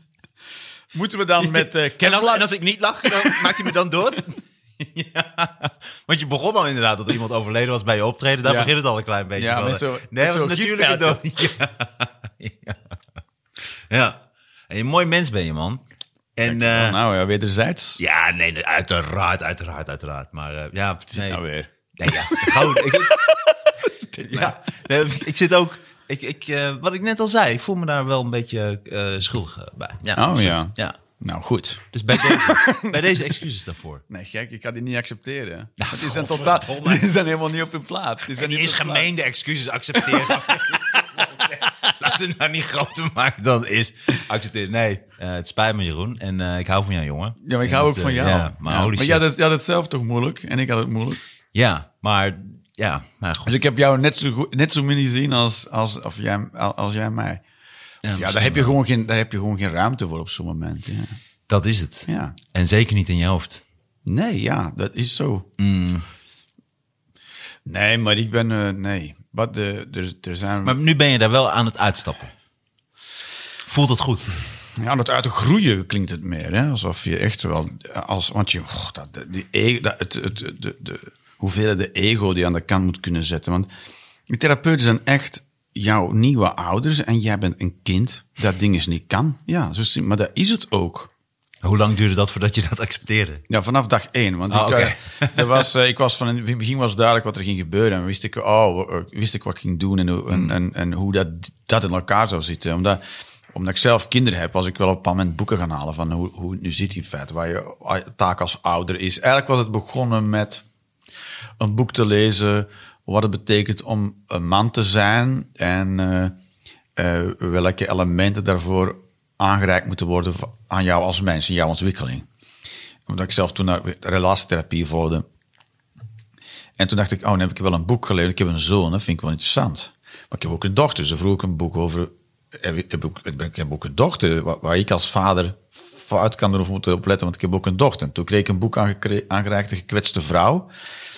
En dat ging alweer, was dan meer jonge Jaans. Dat ging dan over, eh, over archetypen, zeg maar. Ja, dat is wel een heel dik boek waarschijnlijk. Nee, dat viel best mee. Dat, dat viel best mee. En daardoor kwam ik dus soort in een soort cascade terecht van... Oké, maar dat opvoeden van kinderen er komt best wel wat bij kijken... als je het beschouwt als eh, een volwaardige mens die geboren wordt... die jij van alles moet aanreiken in de verschillende ontwikkelingsfasen va- van hun ontwikkeling. Zullen we even wachten op dat vliegtuig? Nee. Het is nu in één keer... eh ze ze hebben hem de- opengegooid, die baan. Ja, de wind Ja. is gedraaid, ja. Ja, en ik vind het fijn om wel het raam open te hebben, want anders wordt het echt zo onvoorstelbaar warm. Ja, maar moet er dan per se als we in een vliegtuig zitten dat je de ramen openzet, eh Martijn? maar eh, dus dat je in die, want eh, kinderhersenen ontwikkelen, hè, die kunnen pas op, bijvoorbeeld persoonlijkheidsstoornissen worden pas vastgesteld vanaf de leeftijd van 24. Want tot, tot die leeftijd zijn je hersenen in ontwikkeling. En kan een persoonlijkheidsstoornis ijskoud niet vastgesteld worden. Dus tot die tijd veranderen jouw hersenen. En in, elke fase van die ontwikkeling van die hersenen hebben die hersenen, kunnen die weer dingen meer, hebben die weer andere dingen nodig. En jij bent er als vader of als moeder om die mens erbij te helpen die nog van alles niet kan en toch van alles moet leren en in de juiste mate dat moet geven. En toen heb ik ook geleerd hoe je moet communiceren met kinderen. Daar ben ik dan wat boeken over gaan halen. Van, ja, je, kan, je mag bijvoorbeeld onder de drie jaar geen sarcasme gebruiken, want dat brengt kinderen echt in de war. Dat is echt waar. Die hersenen kunnen dat niet. Maar, sarca maar, maar ik heb als kind niet anders te horen gekregen van... Oh, eh, papa is heel blij met ja, je poep. Ja, goed gedaan, jongen. Ja. Zo toch? Goed gedaan, jongen. Ja. Dan, eh, die, ah, dat, dat is gewoon sarcasme. Maar dat mag je dus gewoon niet doen. Hè. Dat brengt kinderen echt in de war. En, en toen kwam ik dus zelf uit mijn eigen traject. En eh, toen zei ik van, oh, ze zijn al diezelfde technieken aan het gebruiken, zeg maar. Dus ik wist ook wel in welke constellatie ik terecht zou komen. En wat daar precies de bedoeling was. Ze gingen met mij doen wat ik nooit gekregen had. Wat ik nu mijn kinderen zelf wilde geven, zeg. Of wil geven. Ja. Ik kan me ook wel voorstellen dat dit ook heel erg in je comedy verwerkt wordt. Dus dit soort inzichten en dat je ook op een andere manier naar bepaalde zaken Jo, kijkt. ja, zeker. Ja, en eh, ja, ik denk wel dat ik op een moment- ik, ik, ik probeer toch. eh, ik, denk, ik merk van mezelf dat ik niet meer zo eh, of minder ongenuanceerd of ja. Het klinkt allemaal veel stoerder en veel krachtiger om, eh, om het gewoon, eh, ja, dat is een Mongool te zeggen. Maar ja, dat, ja dat, het is eh, heel erg niet waar wat ik er aan het vertellen ben. Ja, ja. Dus het wordt toch meer waarheidsgetrouw, zou ik zeggen. Maar daar wordt het dan ook genuanceerder. En vind ik het dan toch heel boeiend om te gaan kijken, maar hoe hou ik dit dan toch krachtig? Ja. Ja. Maar dan zit je wel best wel veel in tweestrijd. Want ik vind het wel grappig, want dan ben je nog interessanter. Want eh, voor mensen die jou niet kennen, ik vind je een van de allergrappigste gasten die ik ken. Zowel op of naast het podium. Je bent ook op een top comedian. Je hebt altijd hele mooie inzichten. Je bent heel wijs, je bent heel slim. Eh, je weet het allemaal heel mooi eh, in te pakken. En, en, en je speelt echt een show. Soms kan je ook heel hard zijn, maar dat is altijd grappig. En, en, en je kan heel indringend zijn, maar je bent ook heel eh, bewegelijk. Je doet eigenlijk alle, alle facetten van comedy doe je. Kijk eens aan. Nou, smoke up my ass. Nee, ja, ja. nee, een veer op je ass. Een veer in mijn reet. Is dat is smoke up your ass? Is dat ook? Smoke up your ass. Dat, is je, dat je iemand opblaast met eh, smoke. Met smoke. Ja, je niet- moet het het eens proberen. Je moet eens... Ik heb het gevoel dat je een paar dingen door elkaar haalt. Want dan moet ik echt met mijn mond aan je ass met smoke erin. Want we hebben dan een veer in iemands Ja, reet we steken. hebben Dat is met wel- een afstand. we- maar hier moet ik echt heel dichtbij. Ja, we zijn ik moet wel- dus echt een hijs nemen. En dan moet ik echt met mijn mond Kijk, op je anus. We zijn het wel vaker oneens met nieuwe ideeën die ik in onze relatie wil brengen. maar heb je er al ooit spijt van gehad als we het dan toch gingen proberen? Ja, ja, ja. maar dat is wel... eh, De Engelse uitdrukking is smoke up your ass. Is dat zo? Don't blow smoke up my ass. Ah, oké. Nou, het is een beetje, nou ja, ik hoef niet eens eh, heel, eh, ik hoef niet eens te overdrijven. Dat is echt, echt een feit. Nou, dank ik weet nog heel goed dat ik jou volgens mij, de eerste keer dat ik jou sprak was bij Lowlands volgens mij. Oh, dat kan wel in de mic tent nog. Ja, was Ja, play- en, en toen weet ik nog, ik moet er nog steeds aan denken. Dat vind ik een- zo'n grappig stukje, dat je het had over walvissen. En dat walvissen al van die hoge geluiden Ja, maken. ja. En dat ze over kilometers, kilometers met elkaar kunnen communiceren. En dat is natuurlijk hartstikke prettig, maar als je ruzie hebt, is dat verschrikkelijk. Ja. Want je kunt niet weg bij elkaar. en daarom spoelen soms walvissen Ja, ja. aan land, die gewoon niet meer tegen dat gezeik kunnen.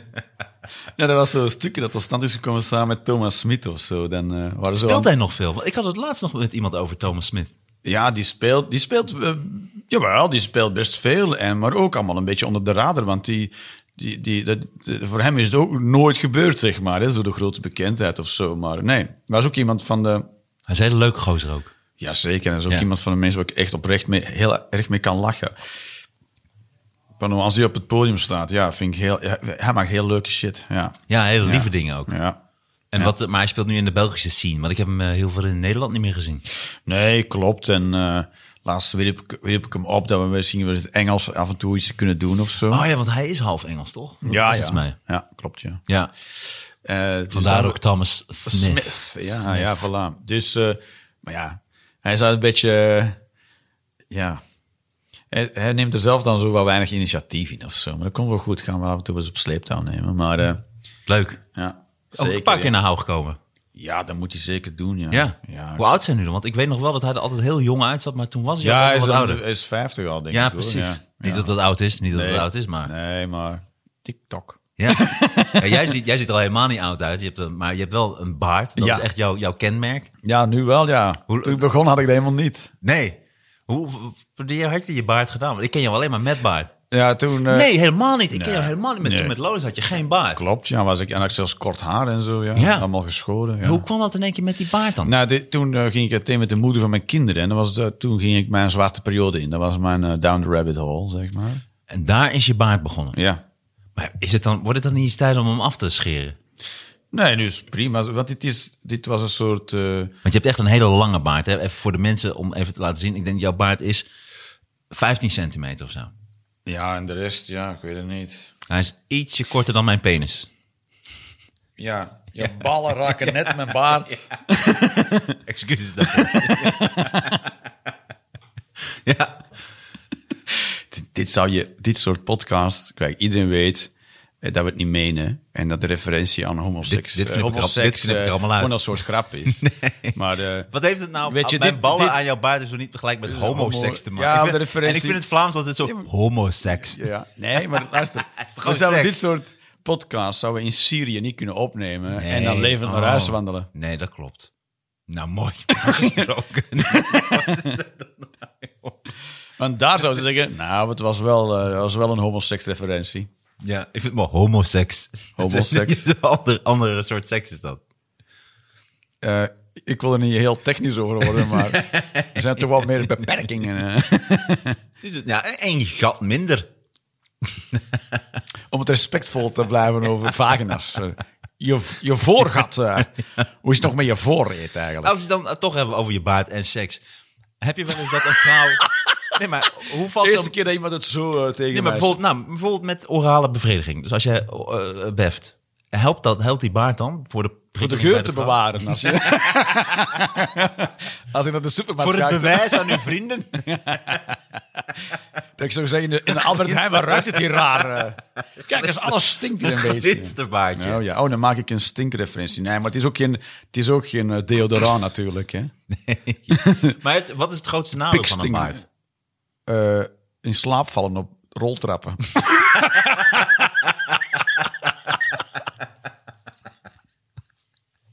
Nee, dat is een groot gevaar. Maar wat, wat heb je wel eens echt dat je denkt, had ik hem maar niet. Eh, elke keer als ik een kaars wil uitblazen.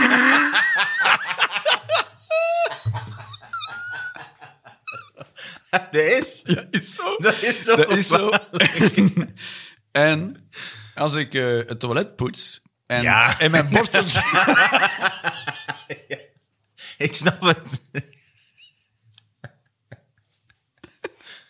Wat is- ja. ja. Oeh, elke keer als ik... Of pasta, pasta zelf pasta maakt. Zo'n ding- zo'n dingetje.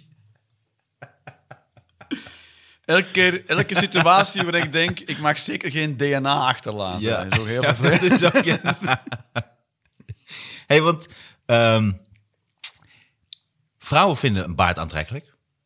Maar Baardgroei, dat is gewoon zo. Omdat het, vrouwen vinden een baard aantrekkelijk. dat, is, dat is waar. Gezichtsbeharing. Er, er op gebeurt een al manier- er gebeurt filosofisch al zoveel in de ene zin. Ja, maar dus in, een Maar- gezichtsbeharing, dat is... Vrouwen vinden dat dat, niet waar. Dat, aantrekkelijk. dat is niet per se waar. Je hebt mensen die dat ook nou, kunnen. dat vraag ik me dus af. Dus inderdaad, maar dat is gewoon bewezen dat een baard... Vrouwen vinden een baard aantrekkelijk. Maar tot welke lengte? Moet, nu, moet nu meegaan in een complete stelling waar er zoveel... Je bent heel getriggerd door alle woorden die nu gebruikt zijn. Ja, en hoe voel je daarbij? Ja, eh, heel erg in de war, ja. Ik durf niet meer te reageren. Ik word geblokkeerd. Maar het is wel moeilijk, want ik weet namelijk... als ik mijn baard laat staan, op een gegeven moment gaat het heel erg jeuken. Tot een bepaald moment. Had je daar geen moeite mee? Nee, want dit, want dit was eh, niet per se om een soort eh, gebeurtenis te markeren in mijn leven, maar het was wel een soort. Ik kwam in een soort. eh, ik kwam wel in een soort existentiële crisis terecht. Nee, niet in een soort. Ik kwam in een existentiële crisis terecht. En ik, ik heb toen besloten om nog zo weinig mogelijk te doen.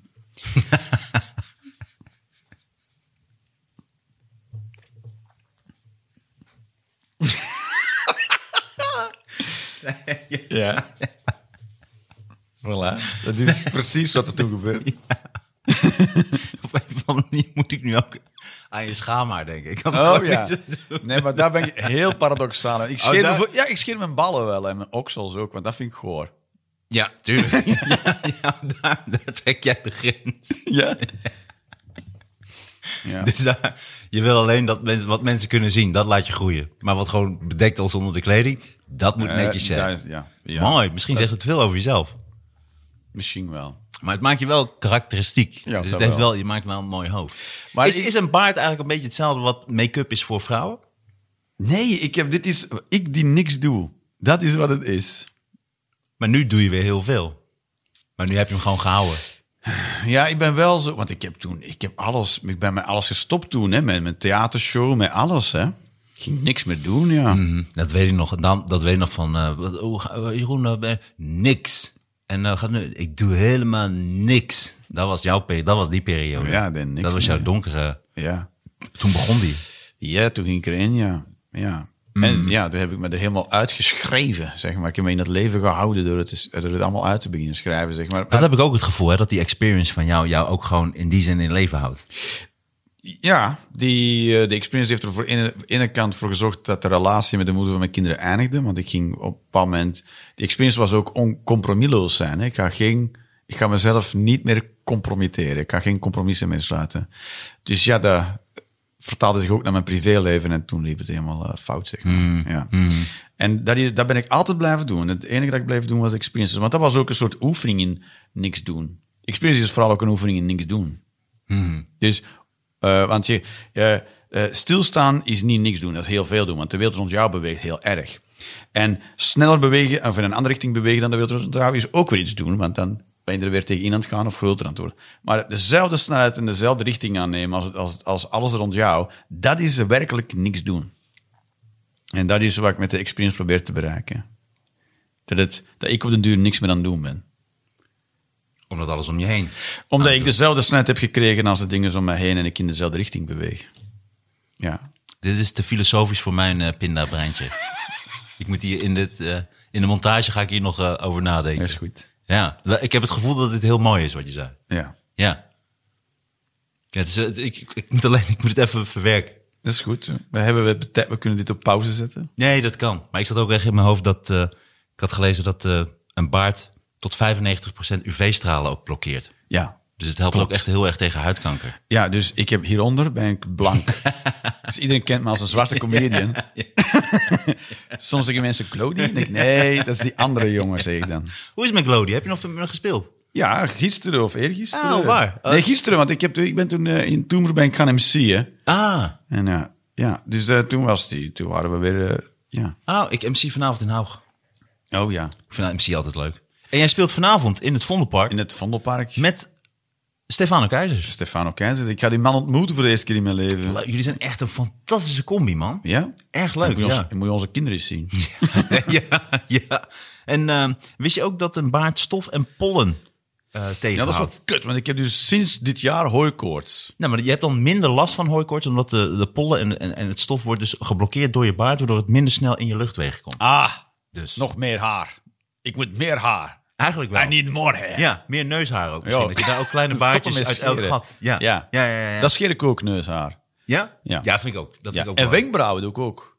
Ja, ik zie het. Dat er nog iets van mijn gezicht zichtbaar is. Nou, Alle Die scheer je. Daarom zie ik nooit of jij verbaasd bent, ja, of nee. Het is gewoon altijd één hetzelfde. Weet je niet dat ik boos ben? Nee. Ik heb geen idee wat er gebeurt. Ja, goed. En, eh, en waar, waar verzorg je je baard mee? Dat was eigenlijk het laatste wat ik dan nog wil weten over je baard. Ja, nee, niet. Ik, eh, ik was hem gewoon met de rest van mijn lichaam. Nou, Oké, gewoon met shampoo. Je hebt niet speciale baard... eh, Nee, dat doe ik Middeltjes. niet. Nee. Nee, dat doe je niet. aan. Nee. Dat is, ben ik weer iets aan het doen, begrijp je? Daar moet ik heel veel aan doen, plots. Dan denk je, zo je dan ook af, dan je van, ja, maar dit hadden ze in de oertijd toch ook niet? En toen leefden ze prima verder. Ja, maar je moet...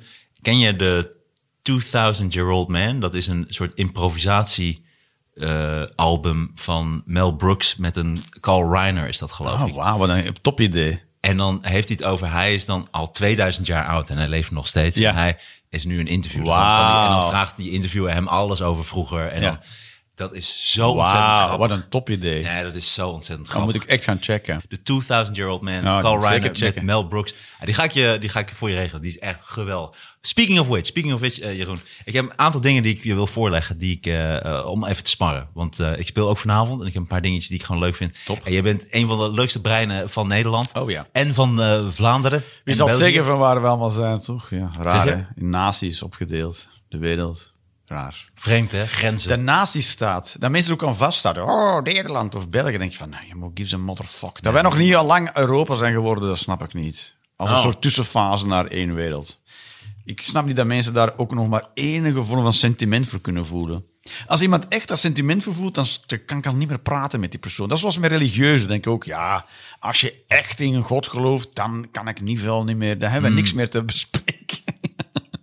Want dat wil zeggen dat jij in één ding zo naïef bent, of zo vasthoudend, dat, daar kan je niet meer langs, toch? Dat ik vind dat ook soms een beetje moeilijk. eh, eh, eh, er zijn veel, veel, er zijn verschillende mogelijkheden waar het woord religie vandaan zou kunnen komen. Maar eentje ervan is, zou te maken hebben met religiëren en dat, dat betekent dan herverbinden. En dat je een manier vindt om de wereld die zich gefragmenteerd aan ons voordoet, hè, we krijgen ze stukje bij beetje binnen en we proberen daar één beeld van te maken, zodat we een beetje begrijpen hoe het eruit ziet en wat er van ons verwacht wordt om daarin te kunnen voortbewegen of in rondbewegen als dat jouw religieuze geloof is, of als je zegt van ik geloof, ik geef dat de naam God, het geheel zeg maar, om het bij elkaar te kunnen halen. En vandaar probeer ik het te begrijpen en een beetje diets Ja, dan is het oké. Dan vind ik het oké. Ja, ja. Maar dan moet je een soort relativering hebben naar je eigen geloof toe. Ja, ja dat is het. En daar gaat het Maar, ja, mis. maar als dat er niet is, als je nergens, als je op geen enkel moment denkt van ja, denk ik. Toch? Ja, dat denk ik. Maar als je zegt zo is het, ja, dan, dan eh, ga je de mist in. Maar goed, mijn vader was ook niet gelovig, maar die gebruikte ook heel vaak zo is het. Ja. En ik gebruik ze ook, eh, ja, maar het is zo. eh, je kan nooit zeggen dat iets op een bepaalde manier is. Dat is onzin. Ja. Dus Ja. er moet een soort, er moet twijfel in zitten. Op het moment dat er geen twijfel meer in zit, dan eh, gaat het fout, Ja, denk ik. ja. mooi. Je bent een vat vol wijsheden. Ja, dat stel, stel je voor. hey, maar ik wil je een paar dingen proberen. voorleggen. Ja, neem even een lekker hapje. Ik neem even nog een stukje brie. Oh, kijk! Ging Mooi. mis. Nou, dit is eh, tomaat met buffelmozzarella en pesto en eh, een klein beetje basilicum en peper en zout. Geniet En ervan. dan kunnen we ook eh, jouw kookboek, eh Martijn. en ik zie dat je stukjes in je baard bewaart. Ja, Mar- Martijn Koningskeuken Capriolen. Oh, het is- Zit er in. nou, je gooit hem echt als een soort frisbee naar binnen. Heel knap. Heel knap. Moet je iets eh, om je handen aan af te vegen? Ik vond wel zo, zo dat speltje dat je met die, met die lus niet die draad mocht raken. Zo. Ja, ja, ja, ja. De, ach, hoe heet het nou? Ja. Daar gaan we de luisteraars nu een half uur naar luisteren. Ja. Hoe wij zitten na te denken hoe dat ding ook wel heet. Ik had, dat was een van mijn eerste comedy grappen. Was dan, ehm, dan had iemand had een. Ik vond het fascinerend als iemand een ring door zijn eikel heeft eh, eh, gedaan. Oh ja. Omdat ik gewoon. Ik kan het nog steeds niet begrijpen. Ik kan me niet voorstellen dat ik een ring door mijn eikel heen jas. En toen dacht ik, dan ging de grap was dan van. En stel dat, dat dan je vriendin een spiraaltje heeft. En je hebt die ring door je eikel, zij heeft een spiraaltje. Moet je dan zo, dat je zo van binnen zo. Dat je precies de langs moet gaan. En als die dan raakt, zo. Dan moet je zo. Helemaal terug, ja. ja. Ja. Dat is een van mijn allereerste grappen. En dat je het er niet kan uitzetten. Ja, zo gaat. Heel vervelend. Hoe heet het nou? Nou goed, komen we wel een keertje op. Nee, ik wou het met jou hebben, omdat jij bent ook altijd van, en van humor, maar ook van dieren. Eh je houdt Ja. erg van dieren. En, en ik ben nu met twee verschillende stukjes bezig. Ja. En een van die stukjes die ik zo mooi vind, ik vind, ken je het verhaal van Bokito? Nou, Vertel ik speel keer. vaak in Haug. Zit in Ja. Rotterdam, Boompjeskade. Mensen, als je een keer wil luisteren, ga daarheen. Eh, maar het zit vlakbij Blijdorp en daar woont Bokito. Dat is een gorilla. Ja. En die gorilla, die werd op een gegeven moment zo getriggerd door een vrouw. Ja, rustig. Nee, het is niet echt waar. Ik zie je manga ogen. Nee, dat is waar. Ik denk dat het verhaal wel ken. Jij werd getriggerd door een vrouw. Ja, en die kwam elke dag kwam die bij dat verblijf. En eh, die dacht een soort band met hem te hebben opgebouwd. Oh ja. En die aap is zo boos geworden. Nou, daar gaan verschillende verhalen over de ronde. Wat dan precies die aap heeft getriggerd. Is het, is het agressiviteit? Of is het dat hij die vrouw wilde? Of wat dan ook? Is het liefde? Die is over de gracht gesprongen. Die is uit het verblijf gesprongen. Die vrouw achteraan eh, gegaan, heeft haar gegrepen. Door het hele Blijdorp heen gesleurd. Honderden keren gebeten. En, eh, en wat ik zo mooi vind aan het verhaal, ik hou heel erg sowieso... Ik weet nog dat dat gebeurd was. Ik weet nog dat ik helemaal kreupel van het lachen lag. Naast mijn bank. Echt, ik kwam niet meer bij, man. Ja, Bokito, ja, hoe dat duif kunnen vergeten. Vond ik zo hilarisch, dat verhaal. Ja. Ja, ik vind het hilarisch op twee verschillende redenen. Eh, ik vind ten eerste vind ik het altijd leuk wanneer dieren iets terugdoen. Dus Ja. wanneer dieren... Ja. Dus wanneer een matador op de horen wordt genomen. dan, dan, dan, maar daar krijg ik echt een stijve pik van. Louise. Dat is echt niet te doen. Ik word echt erotisch getriggerd daardoor. Ik ook. En ik kan, Dat je gewoon aftrekt bij zo'n filmpje van matadoren die zo op de horen worden vind ik genomen zo door de stier. fijn als dat gebeurt, jongen. Ja. En je hebt ook een paar zo'n beeld van zo'n stier. Die een, eh, heeft ook zo'n een soort schutting staan in die arena waar Ja. ze achter kunnen gaan staan. Ja, ja, ja. En die stier rent, ja, die rent op een matador af. En die gaan achter, dat, achter als een laffe, laffe miet achter die plank staan. En die stier komt op hem afgerend over die, over, rond die ding. En die springt op die schutting het publiek in. Ja, En die gaat dan in dat publiek, man. En ik van, ja, jongen, laffe, laffe kans, jongen. Hier heb je hem. Leuk, ik krijg, hè? Ik krijg, ik krijg weer een stijl. Oh ja, oh, dat is het beste filmpje ever, jongen. Dat, maar dat gebeurt heel vaak. Fuck, jongen. Ik vind ook mooi als ze dan, eh, want dan hebben ze... En dan mensen, Voor- dat is een Spaanse cultuur. Wel, je gaat dan allemaal fucking dood met je kutcultuur. Ja. Heb echt, echt niks, ik kan er niks bij voelen. Ik vind ook, of maak het dan, maak het dan echt de man tegen de stier. Dus dan Ja. geef je hem een speer en je geeft hem een mes en je geeft hem dat Nee, doek. nee, nee. Nee, maar en dan, Nee. en dan, dat is het. Maar niet dat ze dan zogenaamd tegen elkaar vechten en dat ze dan Nee. ondertussen zo'n speer in de nek van die, Nee, van die maakt het stier gooien. eerlijk. Je hebt de stier met zijn horens en als zijn spieren. En jij kan heel snel nadenken. Heel goed. En, en goed praten. Nou, go, go, go. Ja, maar, Dat zijn ja, jouw... er is niks in die arena, dus dan moet je heel goed zijn met Ja. zand. Ja. Of hij heeft zijn hoorn en jij hebt je stijve. Dat zou tof zijn. Dus dat je met je stijve piemel... Nee, je hebt de twee natuurkrachten. Nou, go. Ja, je, de stier kan ook niks vastnemen. ja, precies. Kracht tegen Ja, intelligentie. ja, jij mag je me kapot denken. Nou, doe maar. Dat is ook een hele... Ja, maar ik denk dat die strijd heel kort gaat zijn. Ja. Ja, ja. Eh, ik zoek een wachthuisje van vier letters. Die stier zo wat dood, ja. Dat is ook, maar ik zou, nog, ik zou dan nog wel de mensen nog eh, een wapen geven. Dus hij mag van mij een, een, een, zo'n klein zwaardje wat ze dan hebben. En zo'n speer. En dan, doe het dan. Weet je, doe dan gewoon mens tegen dier. En, Ja, eh, maar dan vind ik dat je de stier ook iets moet geven. dat is een mitrailleur op zijn kop.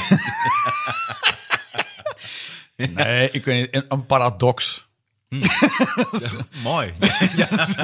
Geef die een paradox mee, dat die mens ook denkt, hé, maar dat kan toch helemaal niet? ja. Mooi. Maar eh, ik vind het ook mooi als ze dan door die straten gaan. Want dat is allemaal Oh, ja. toeristen komen er ook bij. En dan heb je allemaal mensen. En dan hebben ze die stieren door de Oh, straat. ja. En daar wordt ook de een na de ander zo lekker op de hoorns genomen. Dat vind ik echt heerlijk om te zien. Ja, ik vind het wel zonde dat die stieren zoveel...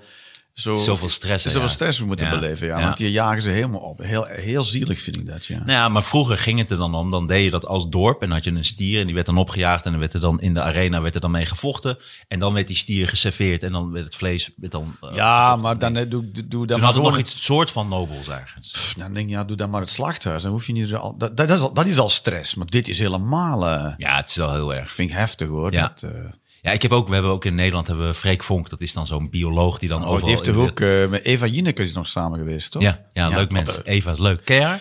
Ja, dus ik Echt vind, een leuk eh, mens. Ja. Lief. ja. Ziet er ook knap uit. Ja. Intelligent. Ja, en weet je wat het ook is? Nou? Ze is niet laf. Zeker. Nee, ze kruipt niet weg achter een of andere redactie als, eh, als een laffe teef als het te warm, te heet onder haar voeten wordt. eh. dat verhaal. Ja, nee, leuke vrouw.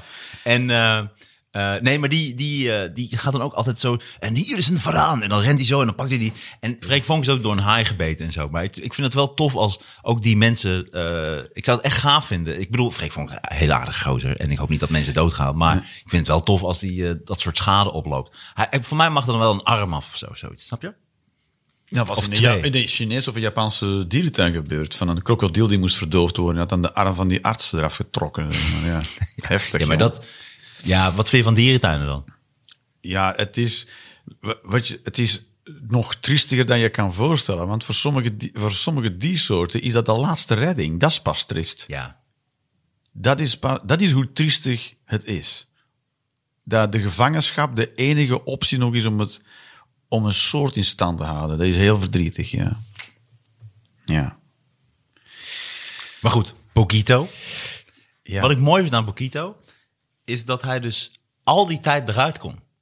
ja. Dus hij had altijd kunnen Ja. ontsnappen. Ja. En dat vind ik zo mooi aan dat verhaal. Dat Ja. hij zo boos werd. Ja. Want er zijn verschillende theorieën. Er is één theorie dat zij de hele tijd met hem aan het lachen was. En zij laat haar tanden zien. En dat is agressie. Dus hij Ja. laat zijn tanden zien en ze denken dat het lachen is. Maar dat is agressie. Ja. Maar een andere theorie is dat hij zijn harem wilde uitbreiden. Zij kwam altijd. En apen schijnen dus heel goed te kunnen zien wat een mannetje is en wat een vrouwtje is. Ook bij ons mensen. Oh, ja. gorilla is ook een mensaap. En zij denken dat hij wilde dat ze zich zou onderwerpen. En, eh, en, en, en, dus zij kwam steeds en dan contact en dan ging zij weer weg. En dat was hij op een gegeven moment zo kwaad over, Ja. dat hij er overheen is gesprongen Ja. en hij heeft gegrepen. Ik vind het zo prachtig. Cocktails. Ja, ik vind het zo'n prachtig idee. Ja. En eh, en er zit ook, want dan, en, en- en ze was dus honderden keer, meer dan honderd keer gebeten. Dat zie ik ook echt zo voor me, zo'n arts die dan zo telt. Zo, Oké, meer dan honderd keer. Laten we dat er maar voor. Ja, ja, heel vaak.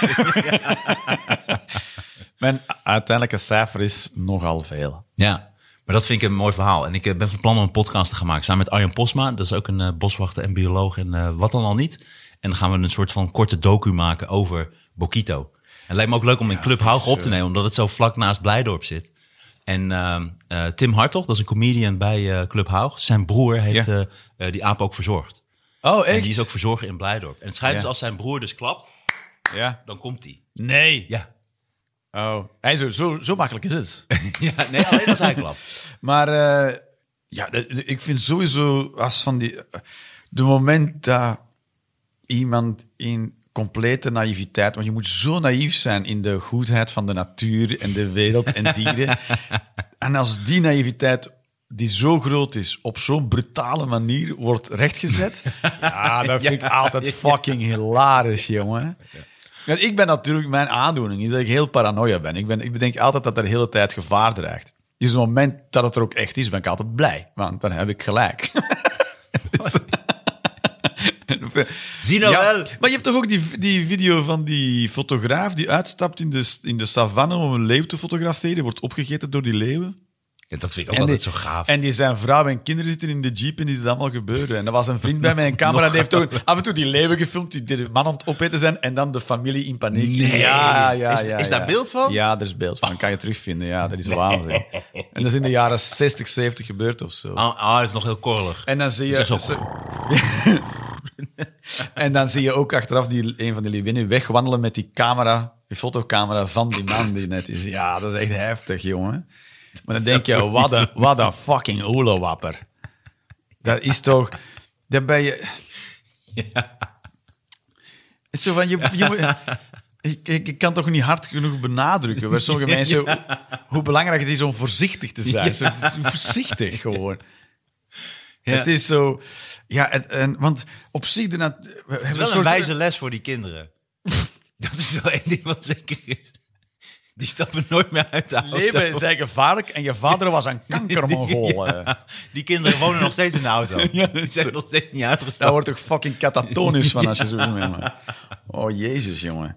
En, eh, maar de het is toch een soort romantisch beeld van de natuur. Zeker dat wij, wat wij hier in een soort West-Europa Ja, hebben. heel knuffelig. Ja, maar ook zo, we hebben de beren en de wolven zijn er niet meer. Nu zijn er wolven, en er zijn er een paar wolven in Vlaanderen. Er zijn mensen die er echt op gaan jagen om hem kapot te maken. Ja. Dat is echt waanzin.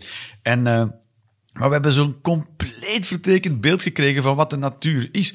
En voor mij was de coronacrisis daar ook een, een ding van. Ja, dat is eh, zo'n, ah dat is een virus en dan gaan we van dood op een afschuwelijke manier. Ja, zoals de meeste mensen op deze planeet. Wat denk je dat het leven is? Het is vuil en smerig. Het leven is niet oeloehoe. Nee, dat is helemaal niet zo. Het is messy, heel de tijd. En door het feit dat we zo'n veilige omgeving hebben gecreëerd, lijkt het wel alsof we dat vergeten zijn. En een soort heel rare verwachting hebben ook van de wereld. Dat het Ja. altijd... Daarom is het mooi als er even iets tussendoor komt. Ja, denk van, letterlijk bij de keel remember? grijpt. Ja, ja, ja, ja. Wat, weet je wat we, wat we hebben bereikt hebben? Dat we dit niet meer hebben. Waar, waar is Charlotte eigenlijk? Nou, weet je nog die gorilla's daar? oh ja. Ja, we waren allemaal echt duizend keer gezegd dat je dat niet moest doen. Maar ja, je kent Charlotte. Het lijkt me ook wel grappig. dat je vader had zegt, en dat niet doen en dat niet doen. En dat hij dan zo zo'n leeuw gaat filmen. ja. Dat zou ik echt zeggen. Ik had het nog dan gezegd tegen pa. Haha, zie nou wel. ja, dat je dan toch zo toch met een schaar gaat rondrennen. Achteraf. Ja. Dat is altijd zo'n mooie grap van Henry van Loon. Die zegt altijd, eh, dames, één goede tip. Nooit rennen met een piemel in je mond. Want als je valt, dan gaat het zo, het zo in je keel komen. Nou, nou, dit is een mooie afsluiter. hè. Ja, want Ja. je moet naar Haug. Ik moet naar Haag en jij moet naar het Vondelpark. Ja. Ja. Ja. Ik eh, wens jou eh, veel toi toi toi daar. Doe de groetjes aan eh, Stefano Keizers. Toi, toi, toi, toi. Ga je niet... eh, we kunnen gewoon succes zeggen, toch? Want we Nee, zijn... nee, nee. Volgens mij is dat dus een bijgeloof. Dat je, dat dus, je moet dus niet zeggen succes. Je moet dus zeggen toi toi toi. maar wij toi, doen toi. niet aan theater. Wij zijn comedians. Ik ben ook wel theater. Ik ben ook echt een theater hoor. Ja? Ja, zeker. Jij toch ook? We zijn allebei ook cabaretier. Nee, Dat zet ik wel op mijn cv. Cabaretier en comedian. Nee, ik doe bijna geen theaters meer. Wat dan? Clubs en eh, het in Engels een beetje aankloten, links en rechts. En, Waar speel je binnenkort in het Engels? Waar komt de experience binnenkort? Waar kunnen mensen jou allemaal zien? Eh, eh, de 22 juni nu in Antwerpen. En dat komt in Haug waarschijnlijk eh, de zomer ergens, eind van de zomer. weer- Nice. En in het Engels ga ik er voor het eerst doen in Brussel, 28 juni. Ja. Mensen kunnen je volgen op Instagram. Mensen Ja. kunnen je volgen op Twitter. Ja, en Facebook? op Facebook. En, Jeroen Leenders. ja, en de Jeroen Jeroen- Leenders Experience. Baartmans. Een- ja, ik heb twee Instagrams. Eentje voor het Engels en eentje voor het Nederlands. Oh, heb geen idee wat het is. Onnozelaar. Wow, ah, dit klonk echt als... Oh ja. Get to the chopper. To the chopper. Nee, kut. Ik kon hem vroeger. Ja, To the chopper. Nee. It's not a Toma. It's not a Toma. we blijven volhouden, dus blijf bij ons. We gaan hem, we gaan hem kunnen. We gaan hem zeker kunnen. Jeroen, ik vond het fantastisch dat je er was, man. Dankjewel, En, eh, man. Dankjewel uh, voor mij uit te nodigen. fijne Ja. gast, man. En te eh, zijn. Ik heb kom je vaker langs? Ik ben hier vaak genoeg geweest. Ik ben bij- zo vaak blijven slapen in je huis. Ja. Dit was toen nog de woonkamer. Nu is het studio. Dit is het studio, ja. ja. En je bent altijd welkom natuurlijk. Ja. Ja. ik. Eh, vind het fijn dat je er was, man. En eh, tot snel. Dit was Knol Podcast. Tot de volgende keer.